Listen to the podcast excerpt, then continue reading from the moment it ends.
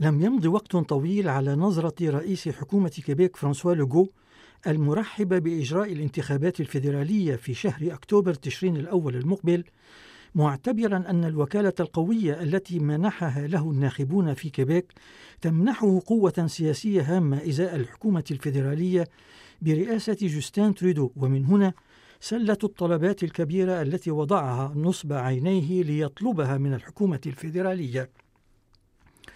ومن جملة هذه المطالب رفع تقرير واحد عن الضرائب. حاليا يقدم المكلف الكيبيكي تقريرين أحدهما لكيبيك والثاني لأوتاوا. يضاف إلى ذلك تغييرات في نظام الهجرة وتعويضات لمنتجي الحليب ودفع المبالغ المترتبة على طالبي اللجوء غير النظاميين وضمانات بالنسبة لشركة لافالان.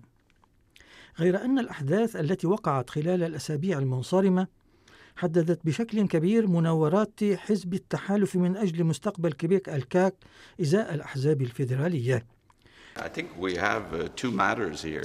Uh, first, I don't know what happened uh, between uh, Mr. Trudeau uh, and the former Minister of Justice. I don't know what kind of pressure he put Uh, now, regarding the job at, at SNC Lavalin, we're already in discussion with uh, Michael Sabia, with the, the, president of SNC Lavalin, to try to see together how we can protect the very good jobs. يشار إلى أن قضية وزيرة العدل السابقة جودي ريبولد في ملف شركة Lavalin التي لم تنتهي فصولها بعد تقوم بدفع فرانسوا لوغو شاء أم أبى في أحضان الحزب الليبرالي بزعامة جوستين تريدو Au fédéral, c'est prévu, il y a une loi qui prévoit que c'est possible de faire un règlement hors cours.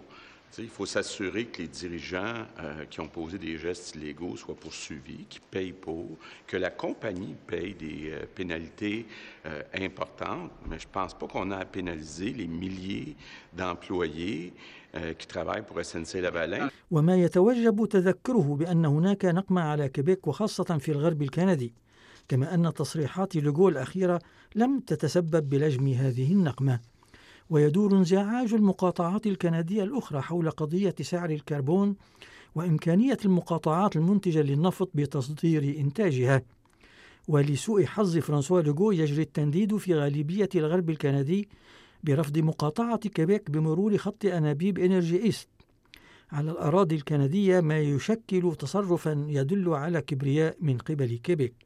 وعندما تحدث رئيس حكومة كيبيك فرانسوا لوغو عن بترول وسخ وعن مشروع لا يحظى بقبول مجتمعي جعل من هذا الوضع رهانا انتخابيا. وفي حال رغب أو لم يرغب بذلك فإن هذا الرهان سيكون على حساب كيبيك. ومن الواضح أن حزب المحافظين المعارض مصمم وعازم دون أي شك على جعل ملف Energy East موضوعا رئيسيا في حملته الانتخابية اللاحقة التي بدأت منذ الآن وتأتي قضية شركة SNC Lavalin لتزيد الطين بلة مع تمسك وزيرة العدل السابقة جودي ريبولد بموقفها المعارض لجوستين تريدو ومن لف لفه ما يجعل القضية بمثابة مشاعر غضب في كندا الناطقة بالإنجليزية.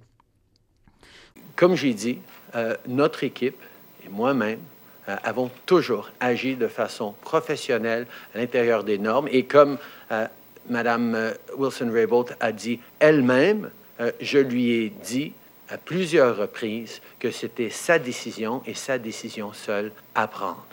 Mais nous savons qu'en tant que gouvernement, les Canadiens s'attendent à ce qu'on soit toujours en train de chercher des façons à protéger des emplois, à créer d'autres emplois, et c'est ce que nous avons toujours fait.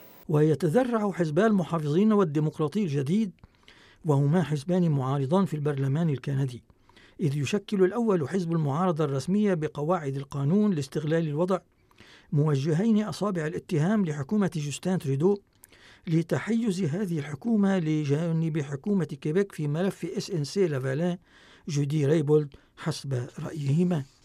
Les allégations dans le reportage de ce matin sont fausses. Euh, ni moi ni mon bureau n'avons demandé au procureur général actuel ou euh, antérieur Euh, de prendre quelques décisions que ce soit dans, cette, euh, dans cet enjeu. ولا يخفى على أحد أن المقاعد الثمانية والسبعين العائدة لكيبيك في مجلس العموم الكندي يمكنها أن تقرر النتائج العائدة للانتخابات المقبلة في شهر أكتوبر تشرين الأول المقبل وفي هذا السياق بدأت كافة مشاعر الغضب تنهال على كيبيك في هذه السنة الانتخابية. ففي ألبرتا مثلا زعيم حزب المحافظين الموحد جيسون كيني الذي هو على قاب قوسين من الفوز في الانتخابات هناك يفكر بطرح استفتاء للتنديد بتحويل الأموال من الفيدرالية للمقاطعات.